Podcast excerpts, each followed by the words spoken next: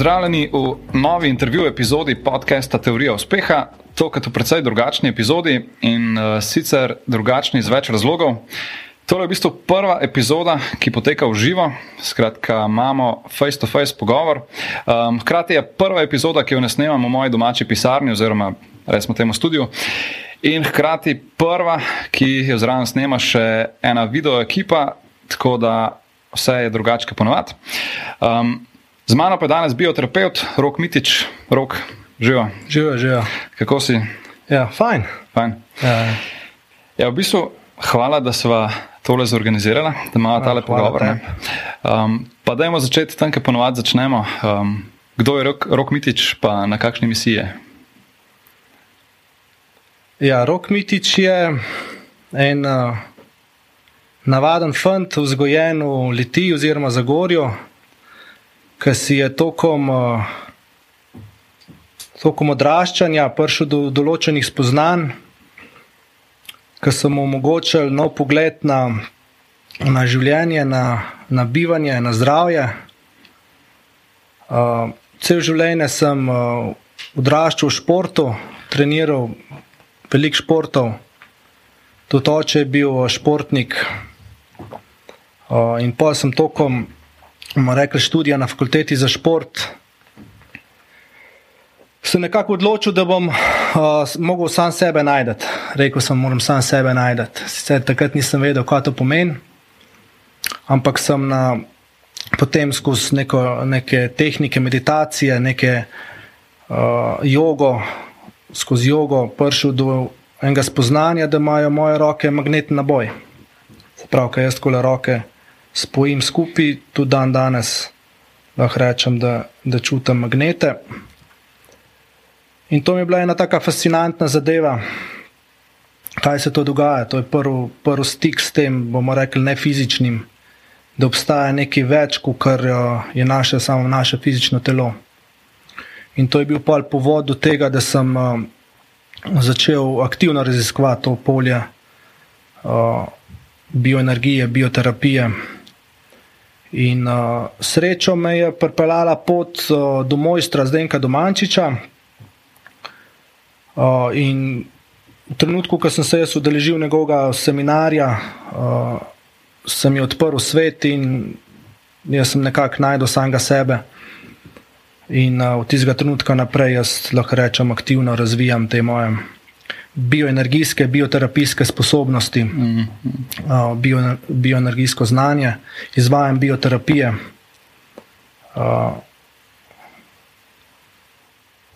Drugače se pa ne smatram nič posebnega. Ne? Tudi bioterapeuti sami nismo, nismo neki, včasih rekli bioenergetik, nismo neki ljudje s posebno energijo. Ne? Mi smo bioenergetiki, smo samo, bomo rekli, bolj talentirani, mm. talentirani v določenem poslu in ga pol upravljamo z bolj kvalitetno, oziroma se odločimo, da ga bomo upravljali. Mm. Vse pa deva, danes ne bi bila glavna debata, ki smo jo mislili imeti ravno o bioterapiji. Pa deva začeti pri fundamentih, eh, kaj sploh je bioenergija. Kaj sploh je življenje, Matej? To je bilo vprašanje. Ne? Življenje samo je najbolj samoumevna stvar vsakega posameznika. Mi se vsi zjutraj zbudimo, pa smo živi. Noben ne razmišlja o tem, kaj je življenje, kako to, da sem jaz živ, kaj omogoča življenje. Najdelke prijema, da to so možgani, pa možgani upravljajo vse v telesu. Ja, kdo pa upravlja z možgani, pa ne? je bilo vprašanje. Mm -hmm. Uh, se pravi, bioenergija je v bistvu skovanka besede bios pa energija, se pravi, bios kot uh, grško življenje. In lahko bi jo ponovili kot življenjska energija, oziroma neka življenjska osnova. A, se pravi, energija, ki omogoča življenje. Lahko bi tako rekel. Mm. To je energija, ki deluje v zadju fizičnega telesa, in omogoča homeostazo. Homeostaza je pa naravno delovanje telesa, se pravi vseh funkcij, kar, kar jih obstaja v telesu. Če hočemo malo mal bolj globoko razumeti, kaj to je, to ne gre v petih minutah, ne? ampak fascinantno, kako je naše telo ustvarjeno. Mi imamo okrog 100 milijard celic v telesu, a, ki deluje kot perfekten organizem, kot perfekten orkester. Jaz sem iz področja športa, a, iz nogometa. Mi smo eno formacijo 11 ljudi, 11 igralcev, lahko igravali mesece, mesece, leta in leta so igrava, ena formacija 11 igralcev na, na igrišču. Neke sinhroni športi, naprimer, to leta in leta, dve osebe trenirajo, da so dve osebe sinhrone. Naprimer. Tukaj imamo pa 100 milijard nekih entitet, ki delujejo kot perfekten organizem, se pravi, nekdo mora biti orkest, v tem orkestru dirigent. Ne. In vsaka celica je sestavljena iz molekul. Vse molekule so zgrajene iz atomov. Atom pa je danes poznano, da je 99% prazen prostor. A, še več 99,9, prav mi smo tako rekoč prazen prostor. Ne. In vprašanje je, kjer intelekt oziroma kjera, kjera uh, intel, uh, inteligenca omogoča tem atomom, da se gradijo v molekule, molekule, da se gradijo naprej v celice, celice pa sestavljajo en fascinanten organizem, ki je sposoben uh, živeti in zdraviti se sam. Se pravi, bioenergija je enako življenje. Dokler imamo mi bioenergijo v sebi, dokler imamo mi to življensko energijo v sebi, mi smo živi. Sam, mrtva, sam mrtvi organizmi nimajo bioenergije. Okay. Kaj bi pa rekla, da je bioterapija? Bioterapija je pa uporaba bioenergije v smislu oziroma v smeri zdravljenja oziroma dajanja bioenergije drugem biološkem bitju. A? Se pravi, obstaja več tehnik oziroma metod prenosa, več pristopov. Um, in jaz se uporabljam za metodo Zdenka Domančiča, ki je po mojem mišljenju najbolj sofisticirana, najbolj dovršena, tudi najbolj učinkovita metoda. Hmm. si Zdenka Domančiča, v bistvu to je večkrat slišano ime, recimo, um, ja. dost poznano tudi v Sloveniji. Um, nam predstaviš, mogoče, kdo, kdo je Zdenko Domančič, kako si prišel do njega, kaj ti je on dal, kaj si se naučil tam. Jaz v Zdenko Domančiču prej nisem, nisem veliko vedel. Srečal sem se z njim na, na seminarju leta 2004. On me je fasciniral me je svojo karizmo, predvsem v kontekstu, ker jaz sem si vedno predstavljal bomo rekli, te neke duhovne guruje, kot nekega skromnega eh, vegetarijanca, indijsko, indijsko podobo, bomo pa rekli. Meniha. Ja, menih, oziroma bolj taki skromni, suhi. Ne. Uh, mehni, kako brado, da imajo. Ne? In potem sem prišel na Bled, oziroma takrat še v Kransko goro in zagledam Zdenka Domančiča, ki je stokilski medved, glas, močen, dominanten. Uh, 100 ljudi, 120 ljudi okrog njega, on tam premika ljudi naprej in nazaj. Pride prvi dan oseba v vozičku, drug dan z dvem birglom, tretji dan z eno birglo, četrti dan pa birgle pozab. To so bili moji neki prvi koraki k spoznavanju Zdenka Domančiča. Uh, potem sem pa seveda skozi seminar in pa sem naprej na, na, na raziskoval oziroma bral njegove, njegove članke, njegove knjige. Zdaj, ko Domančič je uh, kot 30-letnik uh, v enem trenutku, kot je rekel takrat, ene, uh, emocionalnega naboja, uh, spoznal, da se predmeti pred njim premikajo, se pravi, kot neka vrsta telekineza. In je pa šel po svetu in je raziskoval, kaj se to dogaja in je sestavljal iz vsake sestavljal sestavljanko bioterapije, bomo rekli, iz vsake uh, kulture ali pa uh, civilizacije našel neko stvar in jo potem vključil v to spoznanje, kako prenašati bioterapijo. Tako da je na koncu, bomo rekli, sestavil neko metodo, kako najbolj učinkovito. Po zdajšnjih spoznanjih, mogoče bo kdaj spoznanje, uh, bo kdo razvil boljšo metodo, se dvomim, kar se tiče bioterapije. Uh, kako najbolj optimalno z bioterapijo oziroma s prenosom bioenergije pomagati drugi osebi. Mm. Kako sploh prenašati, to je prvo ključ, je to, kako sploh prenašati bioterapijo oziroma bioenergijo drugi osebi. Mm. Vse mogoče, da ima to malo pogledati, kako to v praksi izgleda. V bistvu, običajno, ne, če se z nekom pogovarjaš, pa rečeš, da je bil pri bioenergetiku, ne, ja. se slišiš doskrat zelo ezoteričen, ne vem. Pa razlagajo o nekih alučakrah, energetskem polju. Um, ko bi mogoče eni osebi tako na kratko povedal, kako sploh poteka zdravljenje ali terapija ja. s bioenergijo. Mi se moramo zavedati, da znanja o energiji so na zahod, oziroma k nam na začetku prišla iz Indije, ne iz vzhoda. Ne. Ker v našem okolju, od, rekla, od srednjega veka pa naprej, sploh komunizem, pa to v zadnjem času, je to vse prepovedano. Ni se smel govoriti o nobenem astralu, nobenih duhovnosti, nobeni religiji. Ne. Uh, tako da ta znanja, ki so prišla, so prišla iz nekega drugega kulturnega območja, iz Indije. Ne? In seveda tam so mačken bolj naklonjeni duhovnosti, tam je duhovnost zelo povezana z vsakdanjim življenjem. Ne? In seveda v njihovih vedah so omenjene, je omenjena aura, je omenjena, uh, so omenjene čakre, so omenjeni meridijani, nadi. Um, in je vsema zelo lahko zelo ta duhovni pridih oziroma ta neki uh, astralen pridih, ne, kako si se izrazil.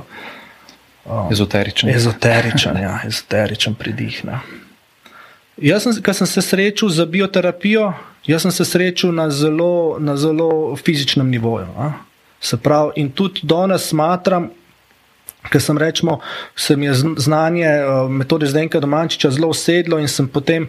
Uh, terapeut enkrat pride, pride do tega, da začne iz sebe ven izhajati. Uh, sem tudi zelo pristaš tega zelo fizičnega pristopa. Ne? Se pravi, vse, kar se energetsko dogaja, mora imeti sliko v fizičnem svetu. Mi živimo v fizičnem svetu, mi vsakodnevno delujemo v fizičnem svetu, mi fizični svet uh, doživljamo in smo v njega opeti. In nam je fizičen svet pomemben. Uh, In um, tako, kot lahko govorimo o pretoku energije v telesu, tako lahko govorimo o pretoku krvi v telesu. Mm. Tako, kot lahko govorimo o, o čakrah, ki so energijski centri, ki so energijski organi, lahko temu tako rečemo, tako lahko govorimo o fizičnih organih. A? Tako, kot lahko govorimo o auri ali pa elektromagnetnem polju okrog nas, ko lahko govorimo o imunskem sistemu. Mm. To so nekje sinonimi, to je dosti podobna zadeva. Ne? Zdaj pa nekateri radi uporabljajo te energijske izraze. Mrzkdaj je to zato, da bi fascinirali ljudi, zato, da bi neke, neke besede uporabljali, ki so ljudem nepoznane in bi s tem svojo kredibilnost dvigovali.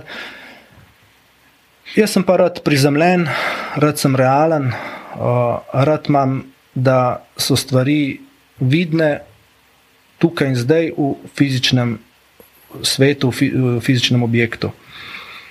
Um, Jaz, v bistvu, um, si omenil kri, pa energijo, in tako naprej. Um, jaz, če prav razumem, v bistvu, malo sem tvojo spletno stran tudi pogledal. Ne? V bistvu ima kri, pa ne, ne samo kri, ne, komplet užilja ima v bistvu ful pomembno funkcijo pri zdravljenju s bioenergijo, ne? če prav razumem. Ja, jaz, jaz zelo rad tudi zelo poenostavim stvari. In v bioterapiji to um, ena izmed najbolj vidnih zadev. Um, ko sem že prej omenil, moj prvi stik z nefizičnim svetom je bil ravno ta, da jaz svoje roke približam, nekako zaznavam neke, neko magnetno polje. No. In uh, fascinantno je pa, da mi v krvi imamo pa železo. Mm. In uh, In to je tisti aspekt, ki sem ti ga mal prej omenil. Ne. Se pravi, jaz lahko rečem, da, da delujem na nekoga z bioenergijo, lahko pa rečem, da s polaganjem rok privlačam kri na določen del telesa. Zato ker magnet pa železo gre ta skupaj, kamorkoli mi magnete postavljamo, tja kri privlačimo, oziroma železo v krvi privlačimo, ne? hemoglobin. In s tem vzpostavljamo v bistvu samo ozdravitvene procese. Ne? Zato, ker del telesa ali pa organ, ki je dobro prekrvavljen, je zdrav, nima problemov. Šele deficit v prekrvavitvi, sploh skozi čas, skozi dalj časa, prinese do, do degeneracije tkiva oziroma do degeneracije organa. Ne? Sem mogoče ali to, kar se enkrat že razlagal. Um, kakšen je, v katerih primerih imamo deficit, v katerih pa suficit? Um, mislim, da si rekel, če je vnetje. Imamo... Ja, ko je vnetje, če imamo mi nekje vnetje, um, tam je ponovadi tisti del telesa otečen, vroč, na teku. In tam imamo ponavadi višek krvi, oziroma skozi uh, bioterapijo rečemo višek potencijala bioenergije v tistem delu telesa. Uh, tam, ki je pa hladno, tisti del telesa, ki je hladen, ki je degenerativen, uh, tam je pa manjek krvi, mm. oziroma manjek bioenergetskega potencijala. Ne? Se pravi, spet sta sinonima, ne manjek krvi ali pa manjek bioenergetskega potencijala, isto, isto ti pada, kar koli rečem. Ne. In če mi skozi prakso se je pokazalo, tam, kjer je mrzlo, hladno, pa jaz položim roke ali pa jih sam približam, ne rabim jih polagati. Ljudje to zaznavajo kot zelo blagodejno, paše, toplo. To se dogaja tudi nadaljavo. Ne. Jaz se koncentriram na nekoga, ki je tisoče kilometrov stran od mene, pa se mu koncentriram na koleno. In on reče: Ja, uf, moje koleno, res, kar žareti je začelo, kar, kar uh, toplo je postalo. Ne? Če pa vnetje, pa mi na tisti del telesa postavljamo roke, naprimer, se pa začne kar naenkrat lahko bolečina povečevati. Pulsiranje se začne povečevati. Se pravi, mi moramo potem kasneje uporabljati določene tehnike, kjer zmanjšamo potencial uh, na tistem delu telesa. No. To me zanima, kaj se reko nadaljavo. Um, kje je tukaj recimo neka pragmatična logika zadnji, da stvar funkcionira, funkcionira nadaljavo. Sej, po eni strani mi je logično, da vse niha z neko frekvenco ne? in neke te energije grejo skozi telo, čez določene centre. Ne? Ampak vseeno mi je zanimivo, če je nekdo oddaljen, ne? nisi mu blizu s tem, da se koncentriraš, kako funkcionira to. Ja, jaz bi razumel to, da je to sto let nazaj nekomu fascinantno, oziroma danes pa v času interneta, um, frekvenc, uh, ki jih pošiljamo v eter iz oddaljenih krajev, uh, live, najrazličnejših, brez povezave s kablom. Se pravi, mi da imamo telefone, se pokličeva, pa se gledava, pa nobenega mm. kabla nimava vmes. Ne. Res da ima človek, ki je postavil satelite. Ne. Se pravi, neka, neka frekvenca se lahko brez izgube energije, bo rekla, pošilja v prostor. Ne. Zdaj, kako je to, da bioterapija, oziroma da mi lahko misli, oziroma bioenergijo pošiljamo na določen, na določen del ali pa na določen cilj, bova rekla. Ne? Kako je to mogoče? Jaz lahko dam par teorijski, teori, teorijskih izhodišč, sam jaz nisem fizik, jaz ne morem to reči, da je to tako. Je, um, jaz sam vem, da stvar v praksi deluje. To, je, to, to, to je tisto, kar, tist, tist, kar jaz vem. Ne? Sem jaz zanimiv, ko v bistvu sem že poslušal ali bral na to temo. Um, glede meditacije. Um, in so bili fokusirani na neko vodo v kozarcu na japonskem ali kjerkoli, različni iz celega sveta in je dejansko pod mik mikroskopom tista voda dobila pač formacijo, kot če bi, ne vem, mislim, da je izgovoril besedo ljubezen ali pa nekaj tako, takšnega. Ja, tako. Mi je, mislim, mi je stvar poznana, um, ni mi pa čisto logično, kako zadeva v praksi. No, se pravi, raziskav je več. Um, in dokazujejo, so se že dokazali, tisti, ki želi pogledati, tudi mm, obstaja, mm. tudi na PubMedu se lahko vtipka, mm. pa najdeš kakšne raziskave. Tisto, kar je meni logično, je, da naša Zemlja je tudi živ organizem in ona je obkrožena z elektromagnetnim poljem. A? Cela naša Zemlja je obkrožena z elektromagnetnim poljem.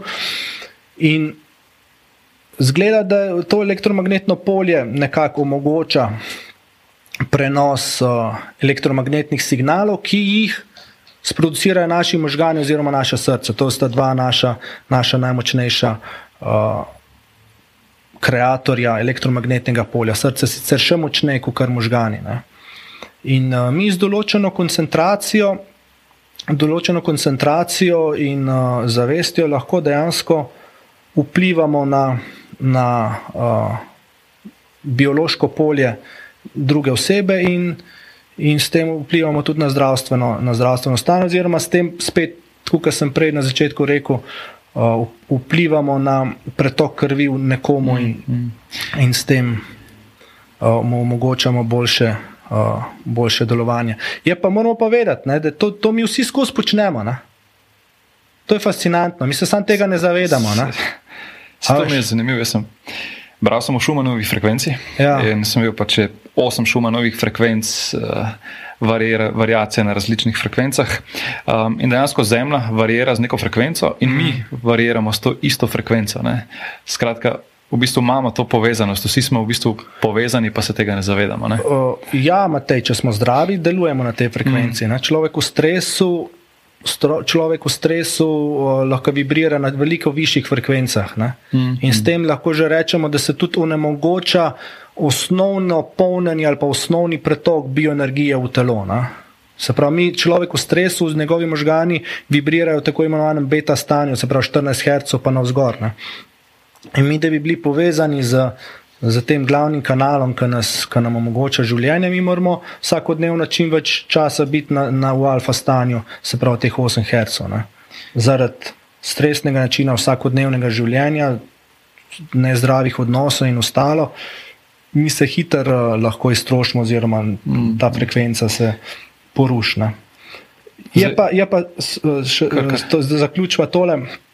Uh, ta pregovor, ki govorimo nadaljavo, mi je vedno uh, fascinanten, bolj je ameriški. Oziroma, uh, you can run, but you cannot hide. Se pravi, če obstaja misel, da potuje. In jaz lahko vplivam na nekoga in vplivam na nekoga, in kdorkoli vpliva na nekoga. Mi ne moramo pobegati od misli nekoga, ki slabo misli nos ali pa dobro. Ne? Se pravi, kamorkoli na svetu gremo, ne da se pobegati. Okay, pa se pojavlja vprašanje, kako se pa pol, recimo, obrant pred tako negativno mislijo. Ne? Obraniš se lahko pa samo s čisto vestjo. Okay. Če si ti nekaj slabega naredil, ali pa če sem jaz nekaj slabega naredil. Ponovadi te vest peče, a? veš, da si nekaj slabega mm, naredil. Mm. In ta vest, oziroma to nekaj slabo, deluje kot neke vrste rana, bomo rekli v energijskem polju. Mm. In če nekdo meni na to rano pošilja strupene puščice, se ta rana inficirala a? in bo začela rana rasti bo čez dalje slabša in bo to inficiralo moje telo, in bom jaz zaradi tega zdravstveno lahko padel. Ne? Če moja veš čista, imam jaz bioenergijsko polje, močno, ne? tudi če ti meni pošiljaš puščice strupene, se bojo odbile tep nazaj. Ne? Men, se mene ne bojo dotaknile. Se pravi, v osnovi moramo biti dobri ljudje. Moramo biti dobri ljudje, pa moramo se zavedati dobrega, ne? ker dobrota je lahko sirota. Mi, če delamo dobro ljudem, pa se ne zavedamo, da smo dobro delali. Če delamo dobro napačnim ljudem, je dobrota sirota. Moramo delati dobro tistim, ki nam z dobrim vračajo. Ne? Ja, tukaj je pa ta vloga hvaležnosti. Pa, pač, kako bi lahko bil vsak človek hvaležen za stvari, ki se mu dogajajo. Ne? In govorim za tistega, ki dela dobro delo, in za tistega, ki prejema recimo, sadove tega dobrega dela. Ne? Ja, sem se veš, Matej. Če, če jaz nekomu delam dobro, pa jaz sem do njega skozi dober, on pa mene blat. Pa me ponižuje, pa, pa me mogoče fizično maltretira, psihično maltretira. Jaz sem pa še kar dober do njega. Mm, mm. Ja, Slejko prej sem tudi jaz iztrošil. Ne? Se pravi, v tem kontekstu je dobrota sirota. Ne? Ti daješ dobrota, sem se sirota. Ne? Če pa jaz nekomu dajal dobro, pa bo on meni to vračal. Ne? Je pa lep slovenski pregovor. ne. Um, sreča oziroma ljubezen je edina stvar, ki se podvoji, če si jo delimo. Tukaj lahko govorimo tudi v kontekstu energije. Ne? Mm. Jaz kot bioterapeut, če dajem bioenergijo, prenašam bioenergijo drugi osebi, jaz jo imam duplo več. Jaz v istem momentu, imam dvojno količino uh, bioenergije v tistem trenutku. In moramo v življenju delati to analizo, ne? s kakimi ljudmi se mi družimo, do kakih ljudi smo mi dobri, kakšne odnose imamo s posamezniki. Ni kar, ni kar vse, ne? ker tako kot ena oseba ti lahko energijo da, tako ti lahko ena Mm, oseba vzame. energijo vzame. Ne? In zdaj je nekdo, tako imenovan energijski vampir, se pravi, te cel dan pije energijo, ti pa dober, ja, ja, pa ga poslušaš, ja, ja, ja, ja, ja pa mu kimaš, pa mu daš uh, rešitev, pa je on še kar. Stokrat mu daš rešitev, on noče rešitev, on hoče sam uh, jamrati, pa jokati, pa, pa uh, skusaj ene in iste probleme razlagati. A? Rešitev bi bila, znebimo se energijskih vampirjev. Taka pragmatična rešitev. O, rešitev je, da, da osebe, vsak posameznik mora eh, razmišljati o sebi, mora delati tako imenovano mentalno higieno, se Mm. pravi, o, razmišljati, kaj se mu je dogajalo vsak dan. Ne? In če sem jaz šel uh, k sosedovi Lojski, uh, me je povabila na obisk, pa sem prišel k njej in sem jaz po tem obisku bil izžetka cota, se pravi, sem mogel iti spat, pa tresel sem se. Se pravi, ta sosedova mitska meni energijo vzela. Ne? na nek nezaveden način. A? In če sem jaz tej sosedovi mitski dal deset rešitev, kako naj reši problem, ona bo pa še čez en let, če kar isto govorila, pa ena rešitve ni naredila, jaz bom to sosedovo mitsko na distanco dal. Ne? Ja, ja, vse. A? Jaz moram sebe zaščititi. ne. Vsak, vsaka oseba mora sebe zaščititi. Ja, ja. no, vse to, to sem hotel, pač se nekako Ja. znebiš tistih, ki ti pijejo energijo. Um, zakaj bi jim dal svojo energijo? Ne? Konec koncev je to tvoje življenje. Ne, ampak to še kar pomeni, ne, pom, uh, ne smeš se pa pripeljati do tega, da pa ti v nekom slabo misliš. Ne? A, to, to, pa, to so pa višji pol strukture zavedanja oziroma duhovnosti. Ne? Mi se ne smemo pripeljati do stanja, da mi v nekom slabo razmišljamo.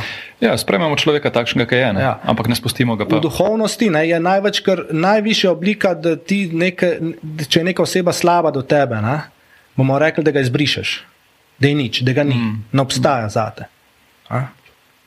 Okay. To je velika večja kazen za nekoga, kot če ti slabo misliš.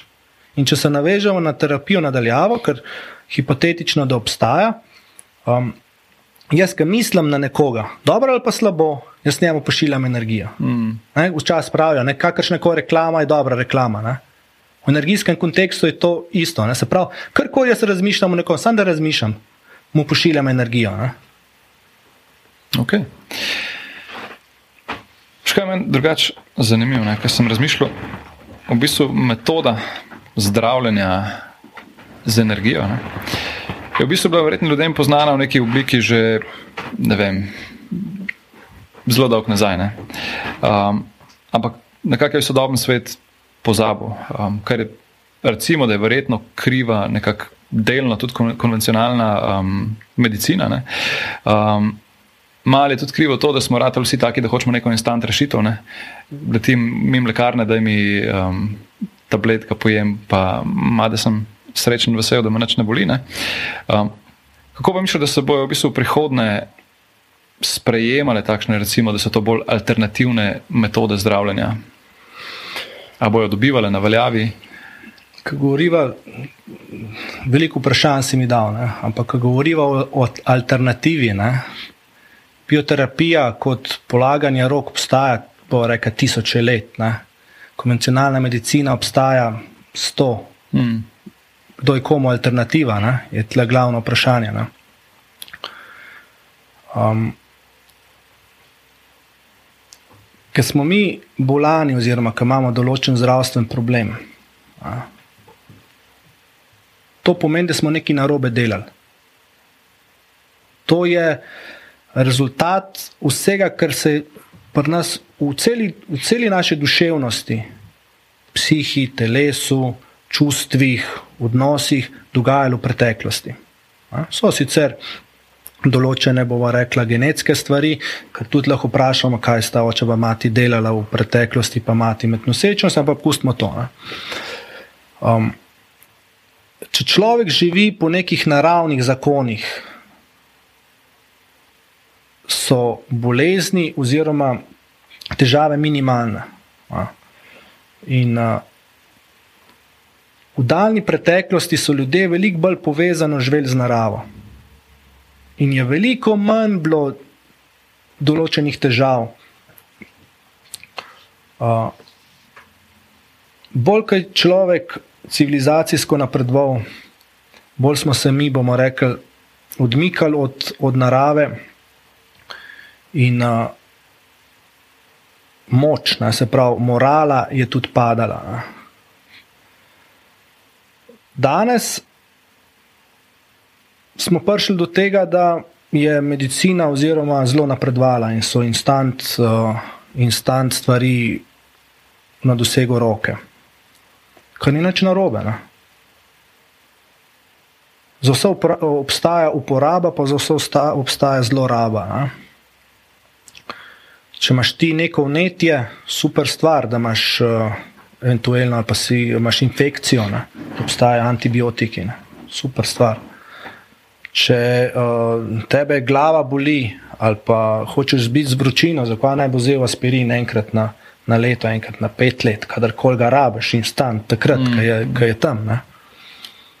Um, problem je, ker je, vsaj jaz ga vidim tako, da uh, današnja družba oziroma današnja civilizacija je prišla do tega, da za vse v našem življenju skrbi nekdo tretji. A? nekdo tretji nas, nam otroke vzgaja, nekdo tretji nas hrani, nekdo tretji nam omogoča, da imamo vodo, sanitarije. In vse zadnje, nekdo tretji je odgovoren za naše zdravje. Se pravi, jaz, če imam nek problem, sodoben človek ne razmišlja, ok, ko sem pa jaz včeraj delal, da me danes boli glava. In mi bi lahko, naprimer, glavobol zelo hitro rešen ali pa za neko spremembo načina življenja, pa navad. Ampak mi tega nočemo, no, nam je važno, da nam je fajn. Mm. Nam je važno, da, da gremo primer s prijatelji na, na pivo zvečer. Ne? In tega, te, to pivo, čeprav pa je pivo najmanjši problem. Uh, čeprav nam bo jutri glavobol, pa če je bilo deset pivov, ne? pa nam bo jutri glavobol povzročil. Bomo rekli, da ja, Pa mogoče bi bilo pa bolj, da jaz eh, ne spijem zvečer tu pivo, ali pa da nisem jedel tiste pice slane, ali pa se nisem uh, slanine najedel, ali pa pršuta, pa me zjutraj glava boli zaradi tega. Ne, to ni nič važno. Važno sem jaz uh, to jedel in zjutraj bom jaz lepo vzel, vzel tableto. Uh, in danes, nažalost, gre vse v tej smeri, da, da so te instant, instant rešitve čez dalje bolj dostopne in samoumevne. Po drugi strani se pa v duhovnosti, oziroma v teh univerzalnih znanj, od narave, če zdaj bolj odmikamo. Ne? To je tisto, kar je bolj zaskrbljujoče. Ne? Da danes uh, otroci sploh ne vejo, naprimer, kako kamilca zgleda. Mm. Ne vejo, niti, ne vejo niti, kako krompir zgleda.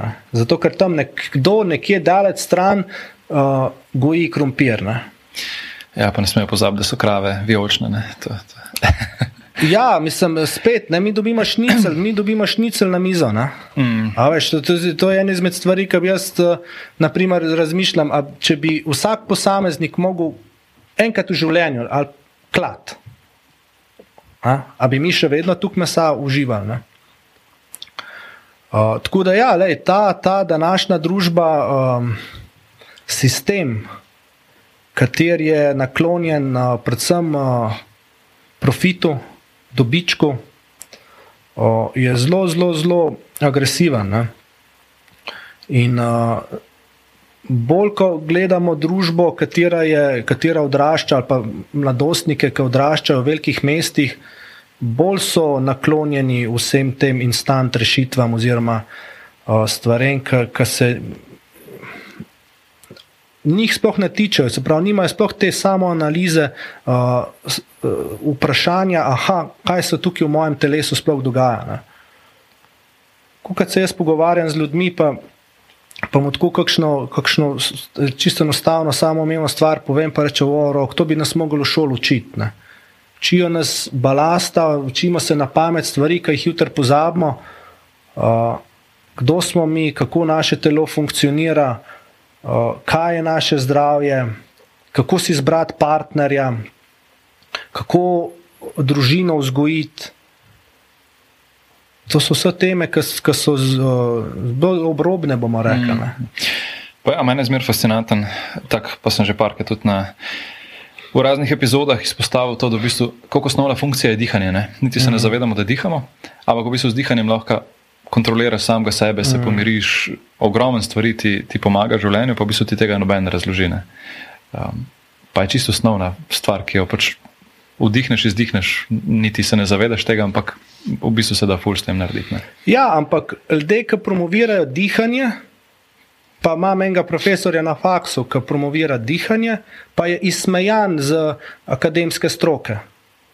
Zato, ker on rešuje stvari na naravni način z dihanjem. Psihologi ga bojo izsmejavali, zato ker so samo antidepresivi tisti, ki pomagajo. Hmm. Pa jaz ne hmm. rečem, da antidepresivi včasih uh, ne pomagajo. Ja, ne pomagajo ne? V določenih primerjih je definitivno hmm. potrebno za antidepresivi, hmm. najbrž. A? Ampak, če bi ljudje najprej, ne, to je tisto, veš, vse drugo probaš, na koncu pa vrneš k sebi. Ne? Namesto da bi najprej se vrnil k sebi, najprej probo naravne metode, vprašal se, zakaj se to dogaja, in če pa to ne gre, potem pa probaš, bomo rekli, sintetične, sintetične mm. Eh, droge oziroma kemijo. Ja, se, to je standard, se, samim sabo se je najtežje soočati. In imamo časa. Ne? Ne vzamemo si ga. Ne? Ne vzam, ne, niso nas naučili to. Mm, mm. Vse veš, v šoli je vse drugo pomembno, šoli te nojo učili kaj je danes sodobni človek, jaz ali pa ti. Ne? Mi smo od mehkih nog zdresirani, aha, 8 ur boš v, v, v, mm. na ših bil, ne? zjutraj boš ob 7 šel, pa boš popoldne ob 3-4 prišel. Mm.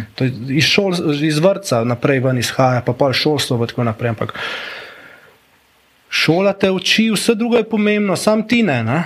Tam, tam, tam, tam, tam se ne bo, aha, kako se pa ti počutiš, aha, kaj si pa ti dihi, zdaj bomo pa dihali, zdaj bomo pa opazovali sebe, če bomo hitreje dihali. Pa sam primer dajeva dihanje. Če bomo mm. hitreje dihali, se bomo tako počutili, če bomo počasneje dihali, se bomo tako počutili.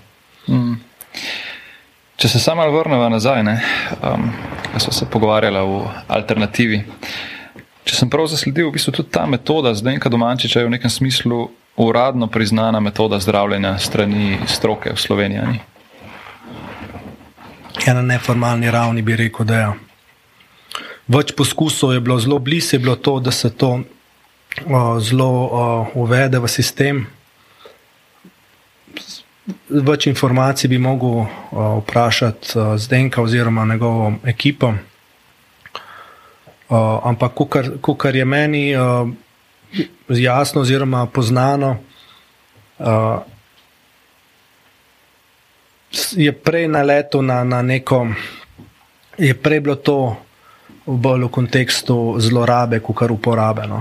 Okay. Uh, tako da na neformalni ravni zdravniki, politiki, uh, znanstveniki, vsi se koristijo z bioterapijo, hodijo na bioterapijo na neformalni ravni. Ampak na formalni ravni, ko, ko govorimo o sistemu, o zakonju in vse ostalo, tam pa ne. ne? Zato, ker je najbrž v zadju, so drugi interesi. Ne? Zdaj, kaj je nova šla del teorije zarote, ampak zgleda, na koncu priješ do tega, da je, da je, da je kapital tisti, ki dirigira. Mhm. In tudi poskusi, da bi se primer, kar je meni poznano, uh, metoda Zdenka Domančiča uporabljala o, javno, je bilo bolj interes, da se uporablja samo za, za da, da jo lahko uporabljajo in, in jo koristijo samo posamezniki, se pravi zdravniki. Uh -huh. Se pravi, da jaz bi lahko metodo zdenka domača delal samo če imam medicinsko fakulteto narejeno. Naprimer. Okay. Spet omejitve. Nažalost je tako. No. Še, enkrat si mi že omenil, da bi se to vrstno zdravljenje pogosto uporablja kot neka dodatna metoda, ne? v kombinaciji še z neko drugo metodo. Zdaj, konkretno sem imel priložnost videti, kako to dela v kombinaciji s kiropraktikom. Mogoče če malo več razložiš, zakaj je kombinacija, pa zakaj sploh ta kombinacija. Recimo, Zdaj vedno delamo mi v kombinaciji z šolsko medicino. Mm. To je prva stvar, ki je. Se pravi, mi se tukaj ne petljamo, ne umešavamo v delo medicine. Vsaka oseba, ki je pri nas, pri meni bila, je imela določene preglede, oziroma je bila pri osebnem zdravniku. In vsako, k nam hodijo tiste osebe, ki jim medicina ni mogla pomagati. A? Niso ljudje najprej meni prišli, pa pol šli k zdravniku, ker jim jaz nisem mogel, ampak ponavadi so prišli od zdravnika do nas. Jaz sem skozi svojo prakso, katera je zdaj, bova rekla, že 18 let dolga, uh, prišel do spoznanj, da je bioterapija dejansko zelo močna, učinkovita metoda pomoči, ampak uh, ni pa vse mogočna. In po čisti logiki je, da obstajajo, obstajajo metode, katere jo dopolnjujejo. Se pravi, mi ne govorimo o tem, da jaz kot bioterapeut uh, karkoli drugače izvajam bioterapijo. Jaz, ko delam bioterapijo, je bioterapija zaključena celota, ne? zaključena enota. Mm. Ampak v kontekstu, naprimer, določene poškodbe, ne? sem pa skozi prakso, pa lahko rečem tudi lastno prakso, ker sem jaz imel problem, problem z, z, z hrbtom. Sem enkrat ob sedmi zjutraj sina v luft metu in je prišel do premika vretenca, šipnil me v hrbto. Ne? In jaz sem dolg časa uporabljal, so me zdravili z bioterapijo, mi je bilo danes bolj, jutri sem jo vrnil nazaj. Ne? Sem delal vaje, nisem mogel popraviti, mm. tako je treba. Sem do enem trenutku prišel do, do mojega uh, dobrega prijatelja uh, in me je z določeno manipulativno tehniko naštimal v določen položaj, in meni se je vrtenc nazaj usedel. Meni se je svet odprl. Uh, meni je bilo to zelo močno spoznanje, in potem sem jaz skozi prakso ugotovil, da, da, da, je ta, da je ta kombinacija. Uh, teh dveh metod zelo kompatibilna med sabo, in tudi v praksi, kasneje se je pokazala kot zelo, zelo, zelo uspešna. Ne? Se pravi, jaz, ki karikiram, rečem, mi imamo asfaltno cesto ne? in uh, z, bioterapijo jo, z bioterapijo jo zasfaltiramo. Ne? Ampak mi, če imamo uh, gozdno pot, ne? manipulacija naredi iz te gozne poti ravnino, se pravi skoraj avtocesto. In to avtocesto mi pol veliko lažje eh, zasfaltiramo, in promet na njej je veliko hitrejši, kot če imamo mi neko makedamsko pot, hribe in doline, uvinke. Se pravi, manipulacija v tem primeru, recimo, kiropraktik, eh, njegovo delo. Ali? Kiropraktika, ja, uh, kiropraktika je uh, izraz, ki je rezerviran za zdravnika. Uh -huh. no, ja. Ja, okay. Eh, je rezerviran za zdravnike. Tukaj govorimo o specifičnem raztezanju, govorimo o raztezanju oziroma manipulativnih tehnikah, kjer v mhm. bistvu mi telo postavimo na, v določen položaj, da pa začne za procesi samo zdravljenja. Mhm. Um, na isti način, na isti način uh, razmišljam v, v drugih tudi uh, boleznih. Ne, se pravi, vedno karikiram, ne, kaj, kaj je bioterapija. Ne. Pa ljudje pravijo, da ja, v to, to, to moš verjeti, ali mi bo pomagalo, ali mi ne bo pomagalo. Mi imamo uvenelo rožo. Ne. In mi, ki uvenelo rožo zalijamo, ona ne rabi verjeti, da, bo, da, da bo boljša. Ona ne rabi še nobene sugestije, da je. Ona bo vodo vzela in se bo popravila. Ne. Ampak In tukaj govorimo o, o manipulativnih tehnikah, kot v neki opori. Aha, da smo pa mi še, še rastlino po koncu postavili, pa, pa, pa smo še prevezali nekam, da je ona mm. ravna, lepa. Včasih pa, ta, včas pa ta rastlina že v osnovi nima dovolj gnojil ali pa hranil v zemlji. Ne? Se pravi, treba je določena hranila dodati. Ne? Tukaj govorimo pa pol o prehrani oziroma določenih prehranskih dopolnilih, tinkturah, čajih, kjer mi lahko določenemu organu damo še ta, še ta podpor uh, hranil, bomo rekli. Ne? In tukaj se je bioterapija spet pokazala kot odlična metoda, zato ker Mrzkdaj se zgodi, da naprimer, določena tinktura ali pa določeno hranilo nima efekta na določen organ. Razlog je potem, da tisti organ ni dobro prekrvavljen. A? In mi z bioterapijo, ki prepeljamo kri v tisti del telesa, v tisti organ, omogočimo, da hranila pridejo v tisti organ in imamo win-win kombinacijo. Mm, mm. Se pravi, omogočimo zdravljenje in to je, to je, uh, to je osnova naravnega zdravljenja. Ne? Naravno zdravljenje je v bistvu samo zdravljenje. Mi imamo fascinantno telo, to smo na začetku povedali. Mi imamo fascinanten organizem, ki je sposoben sam sebe zdraviti. Naša naloga je samo, da pripeljamo v stanje, da se mi samo zdravimo. Mm. Se pravi, da energijsko se ojačamo, da mislimo prav, da se družimo s pravimi ljudmi, da imamo telo poravnano, pa da imamo ta prava hranila. Mm.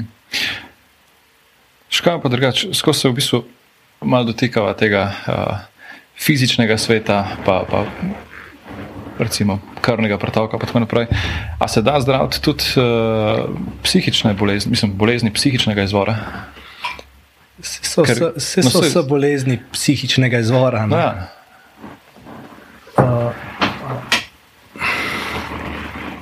Vse bolezni so psihičnega izvora. Mm. Vse se začne pri misli. Ne? Vsaka stvar se začne pri misli. Ampak, če govorimo o slabih mislih, ne? če govorimo o, o depresijah, če govorimo o. Je iz energijskega vidika to v bistvu bankrot energije v glavi. Okay. Se pravi, ni dovolj bioenergija v glavi. Če pogledaš ljudi, ki imajo depresijo, jaz še nobenega nisem videl, da ima rdeča lička, da je nasmejan, da je vse dobro prekrvavljen. Ponavadi so to bledi ljudje, mm. ponavadi. Ne? Se pravi, lahko govorijo spet o tem deficitu prekrvavitve v glavo. Mm. In pokazalo se je v praksi, da s tem, ko mi, ko oseba pride na bioterapijo in mu mi damo roke na glavo, on kar naenkrat uh, začuti toploto, začuti olajšanje, uh, barva se mu poveča, tudi misli se spremenijo. Zanimivo, tudi misli se spremenijo. Uh, isto govorimo o, o duševnosti. Ne? Imamo o, težave tukaj v prsih, ponovadi tišči, pa anksiozno, pa tako naprej. Ista, ista, ista zadeva je. Ne? Ampak to je podporna terapija. Ne? In ne moramo pričakovati, da bo. In jaz tudi ne želim osebe, ki prijo na bioterapijo, da so odvisni od mene. Zdaj pa zato, ker uh, se pri meni dobro počutiš, mm. da si pa odvisen, da štih meni hodi. Jaz probujem njim dati smernice, ah, kuš pa zdaj ti v vsakodnevnem življenju prišel do tega, da, da boš ti, uh, da se boš bolj počutil. Ne? In uh, pri teh stanjih definitivno sodelovanje z psihologom, jaz jih vedno, vedno uh, napotim oziroma svetujem, da, da, da obiščejo psihologa. Uh, tukaj je, tukaj je uh, fizična aktivnost ključna, tukaj je gibanje in delo v naravi ključno. A. Se pravi, mi moramo gledati na podzavestni ravni, kako bomo v vsakodnevnem življenju osebi omogočili, a, da se bo z energijskega vidika bioenergijsko polna, oziroma da bo imela ona okolje, ki bo za njo delovalo kreativno. A. Vse to, to recimo, če se navežemo na tisto, ki so se prej pogovarjali, ne, da smo se nekako distancirali od same narave. Ne. V bistvu tle smo pozabili na preventivo pri, pri vsem. Pač Post-festum običajno hočemo najti rešitve, ki se nam že nekaj zgodi. Ne. Ampak z vsem tem je pa v bistvu delaš preventivo, da se ti nekaj slabega ne bo več dogajalo. Ne. gibanje, hrana, um, vem, meditacije, vse te stvari. Ne? Kar je v bistvu zelo pomembna stvar, na katero pozabljamo. Ne? Enkrat sem v eni knjigi zabeležil, uh, zasledil, bil je nek psihiater v 90-ih, začetek uh, 9000 leta. In je gotovo, da ljudje, ki prihajajo iz podeželja, ne obolevajo za depresijo. Potem se je tudi to spremenilo, zato ker te, ki so na podeželju, želijo mestni način življenja, se jim žel, so se jim želje povečale. Uh, tudi prej sem ti omenil, se popolnoma strinjam s tabo, da, da ljudje to, da imamo težavo, spravo nekaj smo na robe delali. Ne? In uh, bolj, ko gremo iz narave ven, bolj, ko gremo iz uh, naravnega življenja ven, bolj, ko so naše želje visoke in realne zmožnosti nizke, ne? to je spet ena izmed stvari, ki ne zdela bolana. Mm -hmm. Želje so visoke, realne zmožnosti so pa. Ja, to je ta man, manjša razmak med pričakovanjem ja, in diskrepanca ja. med, med željem in realnim zmožnostim. Seveda, to je konstanten stres. Ne? Uh, in današnji človek, ne, mi doživljamo hormone stresa, danes samo da sedimo. V šoli sediš, imaš izpit, pa imaš hormone stresa, imaš tremo, aha, pa bo, ne? moram petko pisati, da bom imel štir zaključen. Ne? Na šihtu si, ja, tole moram narediti, stres, ne? hormoni stresa, hormoni stresa. Samo vsi telefone presep. Stvar je pa ta, da mi te hormone stresa potem ne porabimo. Ne? In človek je ustvarjen tako, da mi hormone stresa porabimo skozi gibanje. Kako mm. smo ustvarjeni? In vsaka oseba bi mogla, sploh če ima službo tako, da veliko sedi, da doživlja, da doživlja strese v službi, bi se mogla gibati. Bi mogla pol ure, 45 minut dnevno imeti neko aerobno aktivnost, mm. to pomeni nek puls tam 120 do 140, mirna, miren tek, hitra hoja, kolo, plavanje, dihanje. Se pravi, sedenje je novodobno kajenje. Isto škode dela v družbi. O, ja, le, veliko sedimo, ne? ampak v tem kontekstu zelo ni tukaj samo sedenje, kot je to, kaj tudi ti doživljaš, ko sediš. Mm. Ker mi sedimo in doživljamo stres, nam se adrenalin izloča, nam, nam kavo pijemo, pa smo pa vsi živčni, potne roke imamo, mrzle roke imamo, mudi se nam. Um, prej smo se pa navezali na frekvence. Ne? Mi takrat še delč od tega, da smo povezani z Šumanovo resonanco ali pa z Zemljo. Ne? In človek, kako bi se vsakodnevno polnil za bioenergijo, ne? da ni odvisen od bioterapeuta. Ja, kmet, ki je živel v naravnem okolju, je živel na prvo, kar je živel v neki naravni hiši, v naravnih materijalov, je, že, je že, direktno, že direktno bil povezan z Zemljo. Um, In če sem na začetku rekla, da, da je uh, bioenergetik, ne, to vsako živo bitje. Ne, in da je bioterapija samo prenos bioenergije na drugo biološko bitje. Ne, in uh, da je bioenergetik v bistvu vsako živo bitje, vsako živo bitje prenaša bioenergijo na drugo živo bitje. Ne. In če seciramo kako je bioterapija ustvarjena, vidimo, da tukaj gre za določen stik, za določen kontakt, polaganje rok. Ne? Zelo enostavna stvar. In uh, prenos bioenergije v osnovi poteka skozi interakcijo dveh živih biti, skozi dotik. Mm. In mi, če se vsakodnevno dotikamo živih biti, mi se vsakodnevno polnimo z bioenergijo. In to lahko karikiramo, kot če imamo rastlino, ki raste v zuni na vrtu ali pa v gozdu, pa imamo rastlino, ki raste noter na polici. Ne. Tista, ki raste v gozdu, vsakodnevno dobi določeno količino vode, eh, sonca, vetra uh, in lahko sama sebe živi. Tista, ki je pa noter, je pa odvisna od nas, da jo zalijemo. Ker če ne mhm. zalijemo, bo venela. Ne. In življenje v naravnem okolju je dotikanje živih biti, živih materij. lesa, živali, rastlin, zemlje same, zemlja sama je živa. Ne?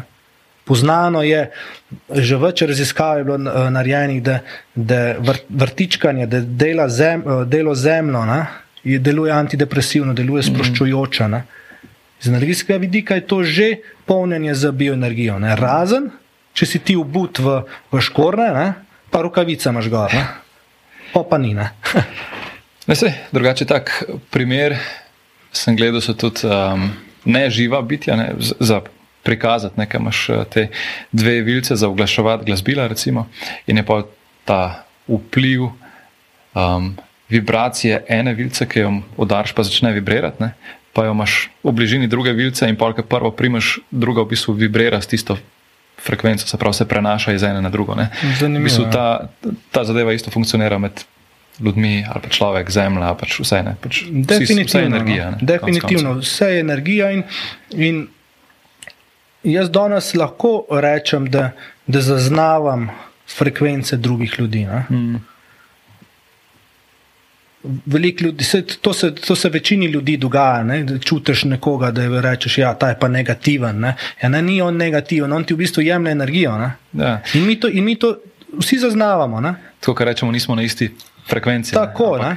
Ampak, ne? Ampak te stvari se, se dogajajo, mi jih imamo nekje v podzavesti. Ne? Ampak To nas noben nauči. Mm. Ti danes te rečeš neko, neki uradni osebi, ja, sem, sem ga začutil, da je bil, da je bil nervozen. Ja, ne, ti si, ti si, jaz sem tisti problematičen, zdaj, ker sem nervozen, rad, nisem mogel nekoga drugega mm. zaznati. Ne. In, ampak da bi to te stvari delali, se pravi, mi, mi bi prvo, prvo, kar je potrebno, je, da, da se soočaš sam s sabo, da, da, da, si, um, da so tvoje uh, misli umirjene. Ne.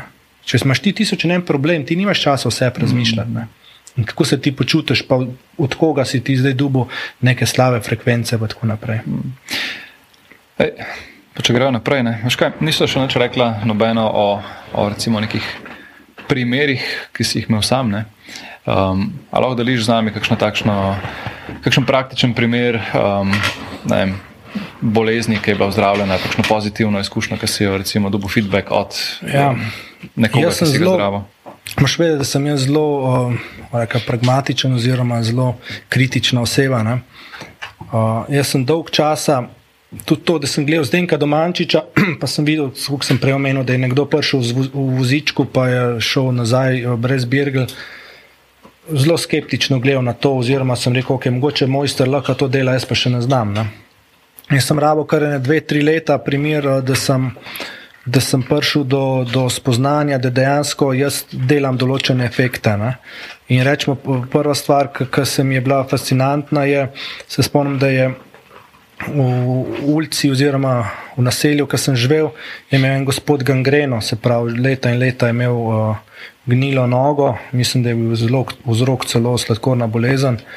In sem mu že uh, nartu zel in takrat je imel na peti in je bil za operacijo, takrat je imel uh, že termin.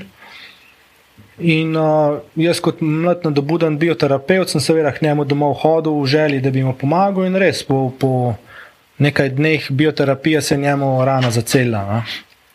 Ker danes rečemo za medicino, je to, je to naravni čuda. Ne? Medicina danes nima zdravila, oziroma mm. nima, nima uh, rešitve za, za, za, za, za gangreno. Um, tist, ka, tistimi stvarmi, ki se bioterapeuti soočamo v vsakodnevnem življenju, uh, je, veš, to, mi smo lestvico vsakdanjika dvignili zelo visok. Ne?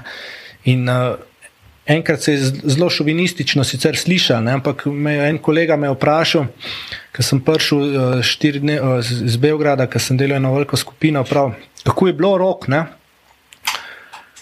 In pa nisem vedel, kam naj povem, zato ker meni je to res vsak danik. Ne? In ljudje, ki ti pa feedbacke govorijo, ne, je, pa, je pa za njih to naravni čuda. Ne? In pa jaz rečem, ja, lej, za nekoga je čudo, za mene pa vsak dan je življenje. Uh, in Ravno spomnim se, um, ravno spomnim se, takrat je bil en, en dogodek, uh, ki je en gospod prišel, oziroma pripeljali so ga uh, v vozičku po možganski kapi in uh, gospod je zgledal tako le. In tako da mu je slina tekla.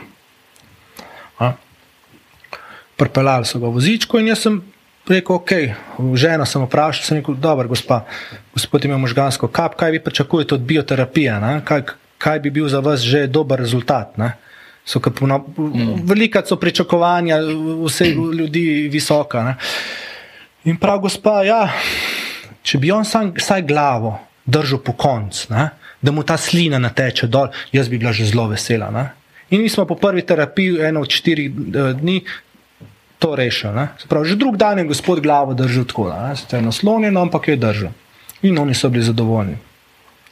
In pa sem se jaz, ker niso bili del stran in da se ne bi matrali in vozili tega gospoda, sem jaz um, uh, se dogovoril, da bom pa čez en mesec pa nadaljavo delal. Ne? In sem naredil štiri dni nadaljavo. In nisem veliko sprašval, in sem jih pa čez en mesec še sem se zmenil z njimi za štiri terapije nadaljavo. Ne?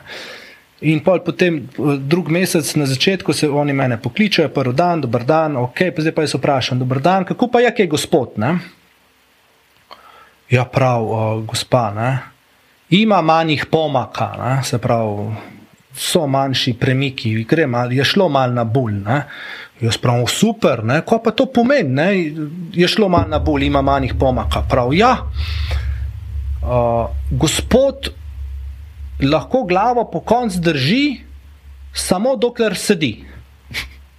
Ha? In jaz pravim, ok. Ali gospod, če kaj drugega dela, kot kar sedi? Ne? Ja, ja, ja, prav, on hod, ampak da noč misel se mora držati. Pričakovanja so bile očitno večje. Ne, veš, ampak, zgod, ampak to, to je fascinantno, to je fascinantno pri pr, pr naši obliki terapije. Uh, kako, kako kar naenkrat, ne, če prvi dan človeka vprašaš, ko bi si ti želel, ja, sam da me mačken manj boli, 5%. Ne, mm. Eh, se te apetiti, se te apetiti zelo zvišajo, po unem pregovoru. Ne, Zdrav človek ima tisoč želja, ne? bolan ima pa samo eno. Ne? Ampak mi, ki zdravimo, imamo hiter uh, tisoč želj. E, kakšni pa so neki časovni okviri, recimo, koliko terapij običajno naj bi naredil, da se vidi sprememba ali pa da začutiš spremembo? Ja, to je zelo, to je zelo, bomo rekli, bomo rekli nezahvalno vprašanje. Mi delamo v, v, v sklopu vedno štiri dnevne terapije. Ne? Se pravi, štiri dni nekako uh, smatramo, da v štirih dneh se je nekako skozi prakso, tudi zdaj, ko gotovo, da se bioenergijsko telo napolna, se pravi, tako imenovano, mi rečemo po domače, napolnam baterija. Uh, drugače pa rezultati, moram ti reči, da so, da so zelo hitro vidni. Ne? To pomeni prvo terapijo, to pomeni ljudje sam noter stopijo, sam da me vidijo, jaz čas rečem, sam da, da me vidiš, predvsej že bolj. Ja, je pa res. Ne? Ni zato, da, da me ne vidijo, ampak zato, ker v prostoru, kjer jaz izvajam bioterapijo, je močnejši pretok bioenergije. Mm. In vsaka oseba, ki je prisotna tukaj zraven mene, je v bistvu na terapiji sami. Ne? In le, kako, je zdaj, kako je pa zdaj to možno, ne? to pa spate, ne, lari, fari, pa nekje. Ne? Vse mi, vsi gremo v gostilno, rečemo ti, kaj pa je šifra, kaj je koda za WiFi. Ne? Se pravi, tam neki je en router postavljen, mi prijemo s telefonom in se vsi preklopimo na, na neko nevidno mrežo. Ne? Tle pri nas je ista stvar. Ne? Se pravi, prideš v prostor, je že nek WiFi, že neka, mm. neko močnejši pretok energije in ljudje, ki spoštujejo pravila, ki so zelo enostavna, poslušaj musko, pa roke, pa noge mej uh, odkrižene. Uh, večkrat, oziroma zelo hitro občutijo določene senzacije. No? Se, se začnejo ali, ali mravljinci na rokah, ali, ali, ali se določena toplota, no, mravljinci po telesu. Včasih začnejo problemi povečevati, včasih problemi že zginejo, in tako naprej. Ne. Tako da moram reči, da rezultati načeloma so že, so že po. O, včasih že tudi sam, ker noter stopijo, preden začnemo delati, včasih že med delom, včasih po delu, čas pa traja mačken dlje, ne? spet je odvisno od, od narave bolezni. Ne? Načeloma mehkejša tkiva, mehkejša tkiva se hitreje regenerirajo, kot trda tkiva. Ne?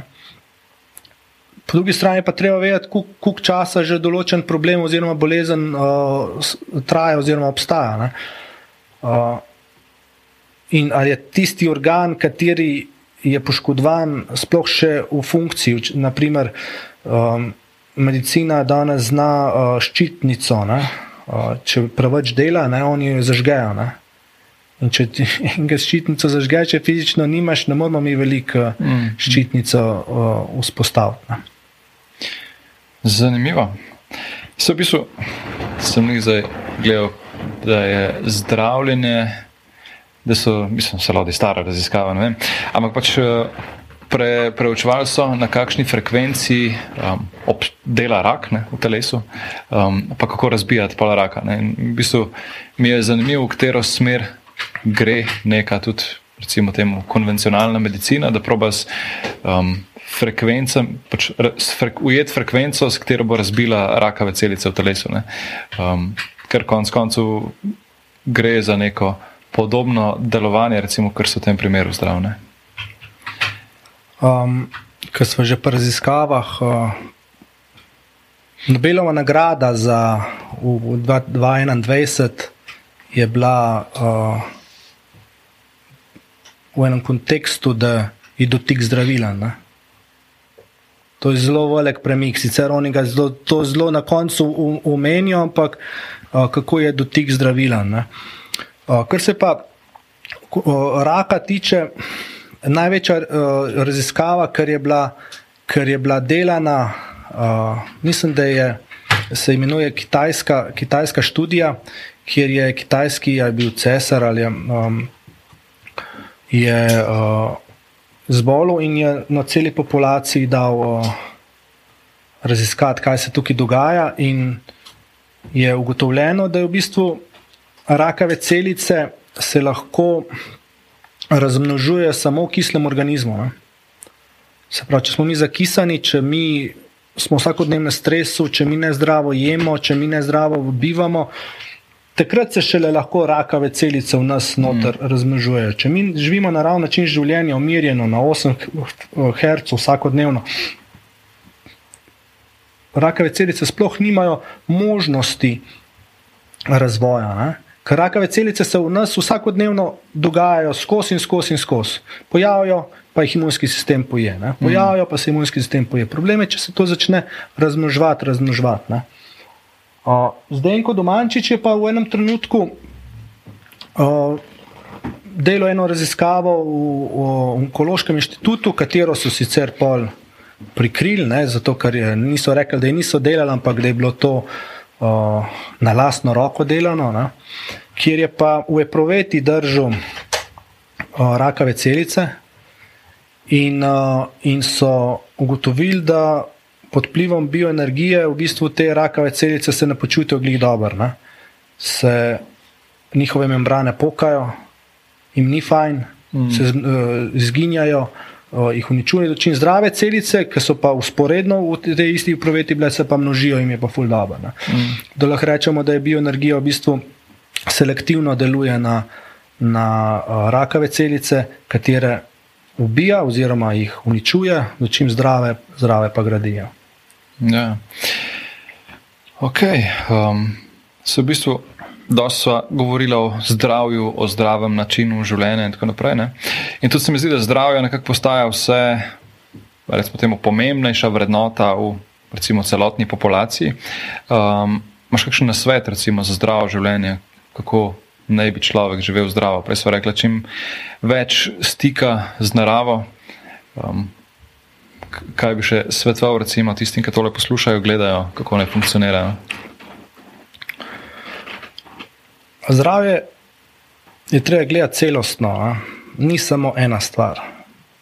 Jaz poznam ljudi, ki se zdravo hranijo, ne pijejo, ne drugirajo, ne kadijo, uh, imajo urejeno družinsko življenje, pa imajo še vedno določene težave in bolezni. Mm. Se pravi, vedno je treba gledati z vseh vidikov. Jaz nekako uh, smatram, te, te neke štiri osnovne stebre. Ne? Se pravi, imamo fizično telo, imamo mentalno telo, lahko rečemo temu, oziroma naš um, naše misli. Imamo čustveno, našo duševnost, pa imamo energijsko mm. telo. Ne? Se pravi, vsi ti aspekti morajo biti v neki, neke vrste kondiciji. Ne? Se pravi, fizično telo skozi fizično aktivnost, skozi zdravo hrano. Uh, um, sezonsko hrano, bova temu rekla. Ne? Danes je zelo, zelo dostopno, oziroma nam je omogočeno, da sploh v Sloveniji, ki imamo izredno super pogoje, da razne smutije delamo, razne sokove si, si delamo. Ko govorimo o psihi, govorimo o tem, da, da moramo dejansko obrniti pozornost na to, kaj razmišljamo vsak dan.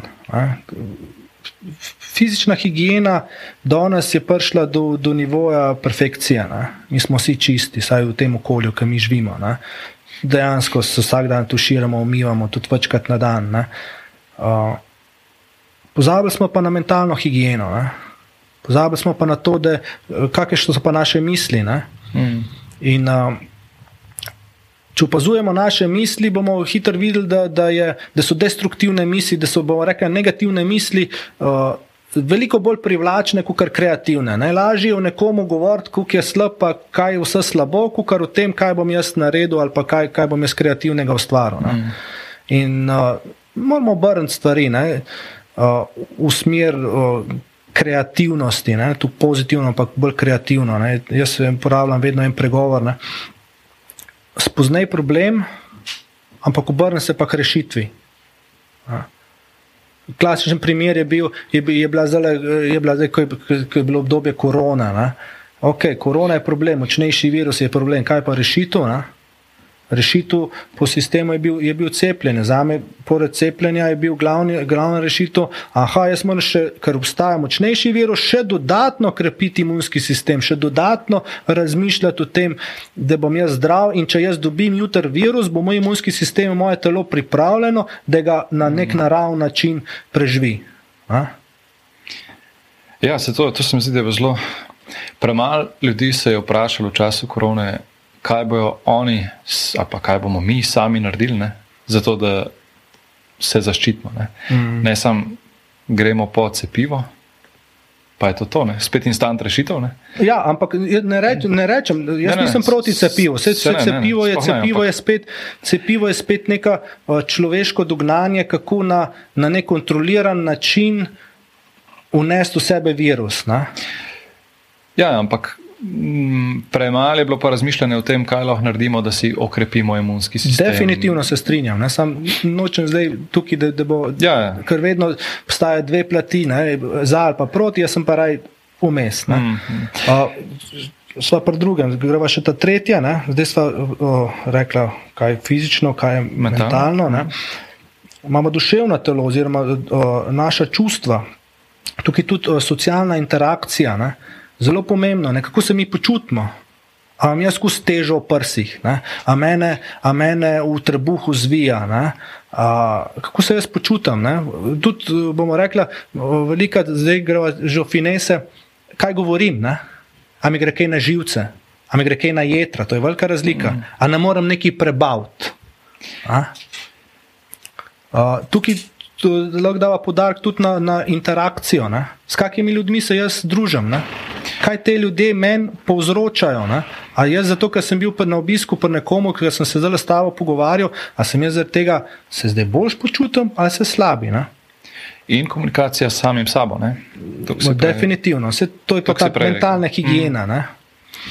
Uh, no, vse zadnje imamo pa to, kar se pa najmanj zavedamo. In to, to je tista žalost, ki je tudi sodobna medicina. Bi, o, veliko bolj funkcionirala, no, po mojem mnenju, če bi se zavedali tega energijskega vidika našega bitja. Mm. Jaz sem takrat na začetku razmišljal o svoje poti, sem rekel, v čakalnici sem, da sem jaz v zdravstvenem domu, da izvajam bioterapijo, pol jih sploh ne bi k zdravniku šlo, ker bi odpravili težavo. Ne. Ali pa tudi, kako bi o, kvaliteto tab, o, tablet, ki jih mi uporabljamo, izboljšali, če bi mi v bistvu bioterapijo zraven delali z vsemi preparati, ki jih ljudje mm, mm. jedo.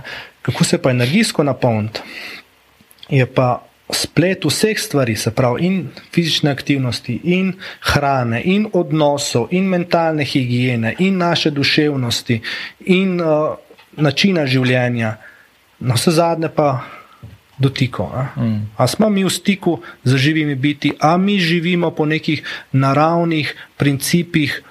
Uh, Ki so nam dani, ali teramo svoje, pa rečemo, ne, ne, ne, mi smo zdaj moderni, mi smo zdaj ljudje smo civilizirani ne rabimo tukaj. Ne. Ja, rezultat bomo slejka prej plačali. Ker na vse zadnje, veš, ne moramo mi soditi, ne. jaz ne morem soditi življenje nekoga. Življenje samo mu bo sodilo, njegovo zdravje bo sodnik. Ja. Za vsako odločitev plačamo ceno. Ne? Ja. Solo pri treh? So že sva reka, je četrto, bio, Četrt. bi, energijski okay, vidik. Okay. Dobro, um, pa pa imaš še ne nekaj unih standardnih vprašanj, ki jih vsi gosti dobijo.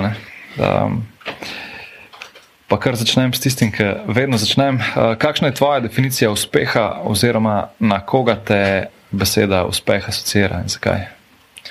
Ja, uh, sem gledal malo tvoje podcaste, sem uh, uspeh, ne, se, uh, tudi uh, ključno besedo imaš.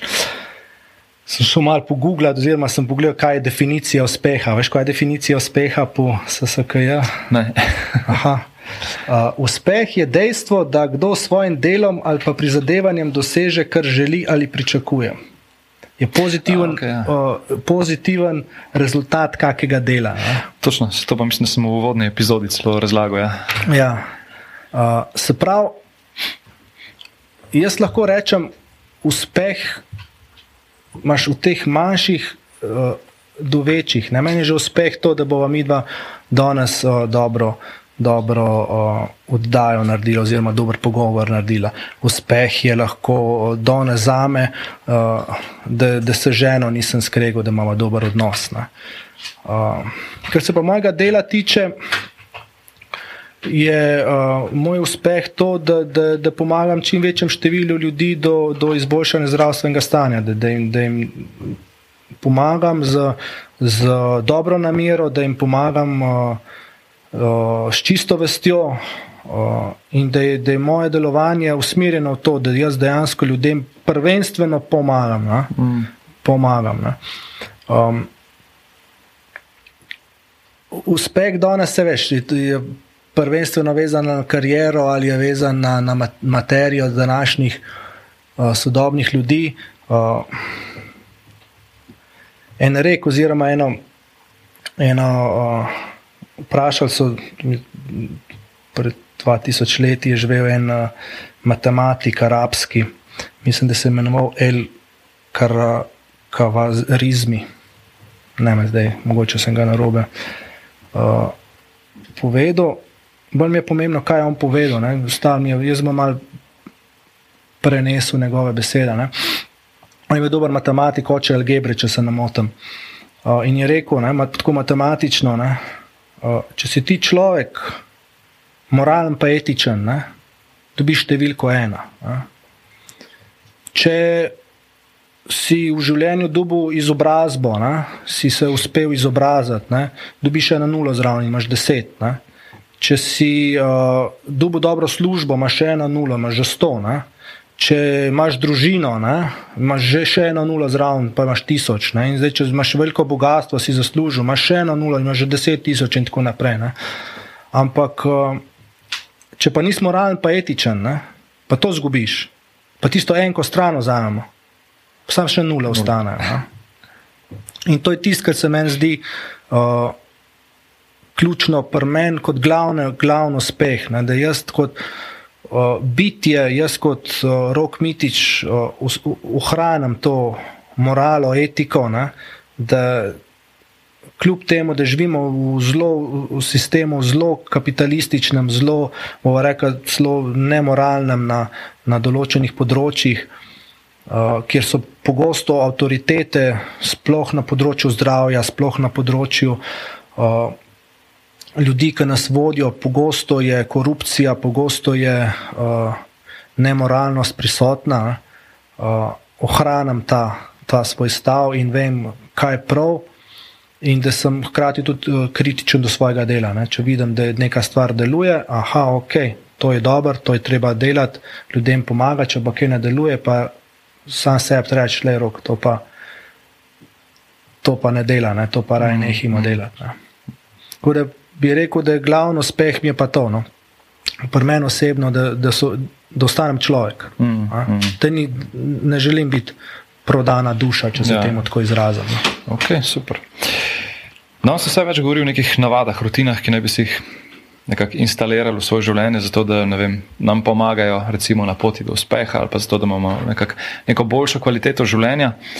Um, nam mogoče zaupaš kakšne svoje rutine, kaj kar ti redno uporabljaš, pa ti to korist skozi življenje. Ja, Matej, jaz sem uh, astrolo v astrologiji imam uh, znak dvojčka, tako da moje rutine so zelo nerutinske. Ne? Jaz sem zelo tak uh, nerutiniran človek. Uh, eno izmed rutin, ki jo uporabljam uh, zjutraj, ko vstanem. Prva stvar, probujem narediti še v posli, ker sem neke dihalne vaje, neke osnovne raztezne vaje. Uh, probam dan začeti uh, z, z tekočimi stvarmi, se pravi z mlačno vodo ali uh, kakimi uh, domačimi sokovi. Um, ena izmed rutin, ki jo, pa, ki jo pa res izvajam, in to je pa, kar sem spoznal z Denka Domančiča, oziroma njegovo metodo, in to se mi je res usedlo, je pa mentalna higiena. Se pravi, analizirati si dan. In človek, ki pride do določene stopne, ki to uporablja, ne, uh, si v bistvu že vsak moment analiziraš. Ne, v bistvu ti nis, ne analiziraš, ampak se ga zavedaš. Ne. Mm. Na kak način si nekaj rekel, kako si se takrat počutil, uh, kako je oseba nasprot tebe odreagirala, kam si gledal, kako, kam si mislil, in tako naprej. In tako naprej ne. Začne se pa tako, da zvečer v bistvu si vzameš 15 minut, pol ure, 5 minut, karkoli in analiziraš dan, kaj si delal, kako je tvoj dan potekel, kako si se počutil, kaj si jedel. In enostavno tako mi na čisto enostaven način lahko o, osebno rastemo. Ne. Da zadevo na papir, ali razmišljaš o tem? O, jaz nisem, jaz, jaz sem svoje čase pisal dnevnik, ampak mm. več ali manj ne. ne. Okay. Jaz, jaz osebno samo razmišljam, oziroma si jih analiziram, uh, analiziram stvari. No. Ker pač jaz osebno imam tak um, da lahko hitro najdem določene, določene uh, vzročno-posledične povezave. No. Mm. Uh, to, mi kar, to mi kar gre. Uh, če pa komu paše pisati, pa analizirati, prevelika analiza mogoče spet ni dobra. Ne. Gre se bolj za to, da, da se mi posvetimo samemu sebi, da mi najdemo, kot smo prej govorili v kontekstu, najdemo določene stvari, ki nam delajo težave. Sem spil pivo zvečer, me je zjutraj glava bolela. Sem jedel večerjo, sem za večerjo jedel nekaj slanga, me je zjutraj glava bolela. Sem se družil s tem, pa sem se pa slabo počutil. Uh, zjutraj sem za zajtrk, jaz se spomnim, to, to, to sem še prej sem bil terapeut, bil, uh, sem za zajtrk jedel čokolino, pa sem šel pa v šolo. Jaz sem se sprašval, se jaz moram tako le zjutraj težko počutiti. Prav se spomnim, en, uh, tak občutek, ki je neko vine sem imel. Ne? Sem jaz vas zapacan, se, a sem jaz moram tako počutiti. Ne? In dajmo se vprašati, karkoli pojem, kako se jaz pa počutim. Mm, mm. Ko z nekom, ko z nekom bivam, kako se počutim, nekje, kaj delam, kako se počutim. ne. Uh, ker ljudje moramo iz vzroka veniti, uh, če hočemo svoje zdravje, svoje zdravje um, unaprediti, ga hočemo izboljšati. Ne. Evo, konkreten primer, zdaj s stvarmi, ki se ukvarjamo, moja mentalna higiena je šla. Rad, jaz sem futbaler po, po naravi in igram futbal, in vsakič po futbalu mene nekaj boli. Ne. Pač sem 40 let, sem star, nisem več 20 let mulj, čeprav tudi takrat sem imel težave. Ampak jaz se sprašujem, zakaj moram zdaj jaz to delati? Ne? Ker jaz če bom to naprej delal, jaz ne bom čez dalje bolj zdrav. Ne? A moram šport zamenjati, ali se moram bolj ugreti, ali nekaj moram spremeniti. Ali, hočem, ali bom vse prilagodil temu, da bom nogomet igral, ali pa ga raj nekaj igrati. Ne? Ker Isto je, če greš ti na, službo, pa imaš vsak dan strese, pa vsak dan uh, se sam slabo, slabo, slabo počutiš. Ti moraš vzrok odpraviti. Ali pa če se z nekom družiš, pa, pa imaš doma toksično osebo, ja, moraš nekaj narediti. Ne? Ja, samo nekako je običajna praksa, da smo ujeti v ta kalup. Ne? Hodiš v službo, hod, de, delaš tisto, kar delaš. Ja. Jaz tudi na kolesu, jaz tudi lahko hrček na kolesu, ja. pa hodim na fusbal, pa, pa me boli, pa bom ja, pa tablete proti mm, bolečinske jedo. Okay. Dobro, pa da ne bo predolga, da imaš še za začetek. Um, povedati, kje se poslušalci in gledalci lahko povežejo s tabo, kje te lahko najdejo, če želiš, da se. Uh, ja, lej, lahko v Google ne vtipkajo rok mitič, pa mislim, da bo dosta mojih podatkov ven vrga. Nismo več omenili, kje si vse aktiven, imaš. Uh, Izvajaš prakso v Srbiji, izvajaš v Sloveniji? Ma ja, glavno, glavno, zdaj uh, dolga leta sem, uh, nisem imel stalnega prostora, oziroma sem uh, skozi gostoval. To, da sem šel v Srbijo, je bil uh, odraz uh, tega, da sem rabo enostavno tržišče, ki je bolj masovno, da sem, jaz, uh, da sem se kalil, da sem se dokazoval, mm. ker le v lokalnem okolju je. Če sem 22-letni mulj, sem začel uh, delati bioterapijo. To se je reklo, če še v plenice lulu, danes imaš pa kar naenkrat energijo, ko pa je zdaj to. Mm. Jaz sem pa vedel takrat iste stvari, kot jih danes vem, iste stvari delam. Moš nekako kredibilno si, um, si pridobiti. Uh, tako da delamo liti, kar bazo imamo liti, zaenkrat uh, tukaj sem zadovoljen. Tiska me hoče uh, kontaktirati, me lahko pokliče na telefon, mi piše uh, lahko preko Facebooka, to je danes Messenger, mm. kar. Uh, poznana komunikacija. Vse pravi, če napiše nekdo rok mitič na Google, bo hitro dovolj. Evo, zmenjeno. Rok ja. mitič v Google, stvar. Ja. Lahko povabiva poslušalce in gledalce mogoče na kakšne delavnice terapije, karkoli, kar bi se v bližnji prihodnosti odvijali, pa da bi bilo zanimivo. Ja, le, plano je veliko, zdaj tako poletje prihaja, uh, bomo bolj uh, smo bolj idejni, pa kreativni, uh, pripravljamo bolj jesen, pa naslednje leto. Uh, same terapije se izvajajo redno, uh, tako da če kdo želi, če kdo rab, naj me kontaktira. Uh, delamo pa na tem, no? delam pa na tem, da bi, uh, da bi uplemenitil, oziroma bomo rekli, razširil ponudbo, ker predvsem v kontekstu tega sodelovanja, pa v kontekstu tega, da bi rad, da ljudje, ki rabijo izboljšati svoje zdravje, se tiste štiri dni, ki so se, ali pa vsaj štiri dni, no, ki so se odločili za to, da bojo izboljšali svoje zdravje, se lahko maksimalno posvetijo svojemu zdravju. Ne. Primer če si ti v službi doživljaš strese, pa prideš k meni popolno na bioterapijo, bo rezultat definitivno manjši, kot če si ti štiri dni z mano, pa si v nekem naravnem okolju, pa imaš ti ljudi, ki so kreativni, pa imaš še kakšne dopolnitvene terapije, pa gremo mal neke. Enostavne vadbe imamo, pa malo gibanja v naravi, in tako naprej, malo zdravo hrana in take zadeve. Ne. To je neka vrsta, kaj je retrit. Za... Neke vrste retrit, oziroma bioterapija, bomo rekli, bolj v naravi. No? To, to so mm. nekje moje vizije, uh, zdaj za, za prihodnost, vse v, stva, v fazi razvoja, kreativnosti, ampak uh, tudi tukaj v tem prostoru, mogoče bo v kratkem, bomo še kakšne uh, predavanja delali, pa druge zadeve, ampak zaenkrat je moje delo usmerjeno samo na to, da, da pomagam ljudem do zmanjševanja uh, težav. Mm -hmm. Ja, super. Prišla so do konca. Tako da še enkrat hvala, da si omogočil tole, da si posnela. Um, pa hvala, da si si vzel čas za tole. Um, jaz želim, oziroma želim ti, da nadaljuješ z dobrimi deli, pa da tvoje roke pomagajo še mnogim. Pa mogoče čist za zaključek en citat Nikole Tesle, ki bo po mojem dober pas v tale kontekst, da če želiš odkriti skrivnost vesolja, raziskuj povezavi z energijo, frekvenco in vibracijo. Pa po mojem, da to je vedel, kaj govoriš takrat. Da, ja. To je to. Hvala tudi tebi uh, za intervju, za zaupanje. Mislim, da smo se kar dobro pogovorili. Še ena zadeva, preden greš, oziroma dve zadevi, preden greš. Najprej res hvala za poslušanje podcasta. Če ti je bila epizoda všeč, te vabim poslušati ostalih epizod, tistih, ki so že objavljene in tistih, ki še bodo. Hkrati pa te prosim, da na svoji podcast platformi podaš oceno oziroma pustiš komentar ali pa mogoče še več, da deliš podcast s svojimi prijatelji oziroma osebami, za katere meniš, da bi jih utegnil zanimati. In mi tako pomagaš pri širjenju prepoznavnosti podcasta.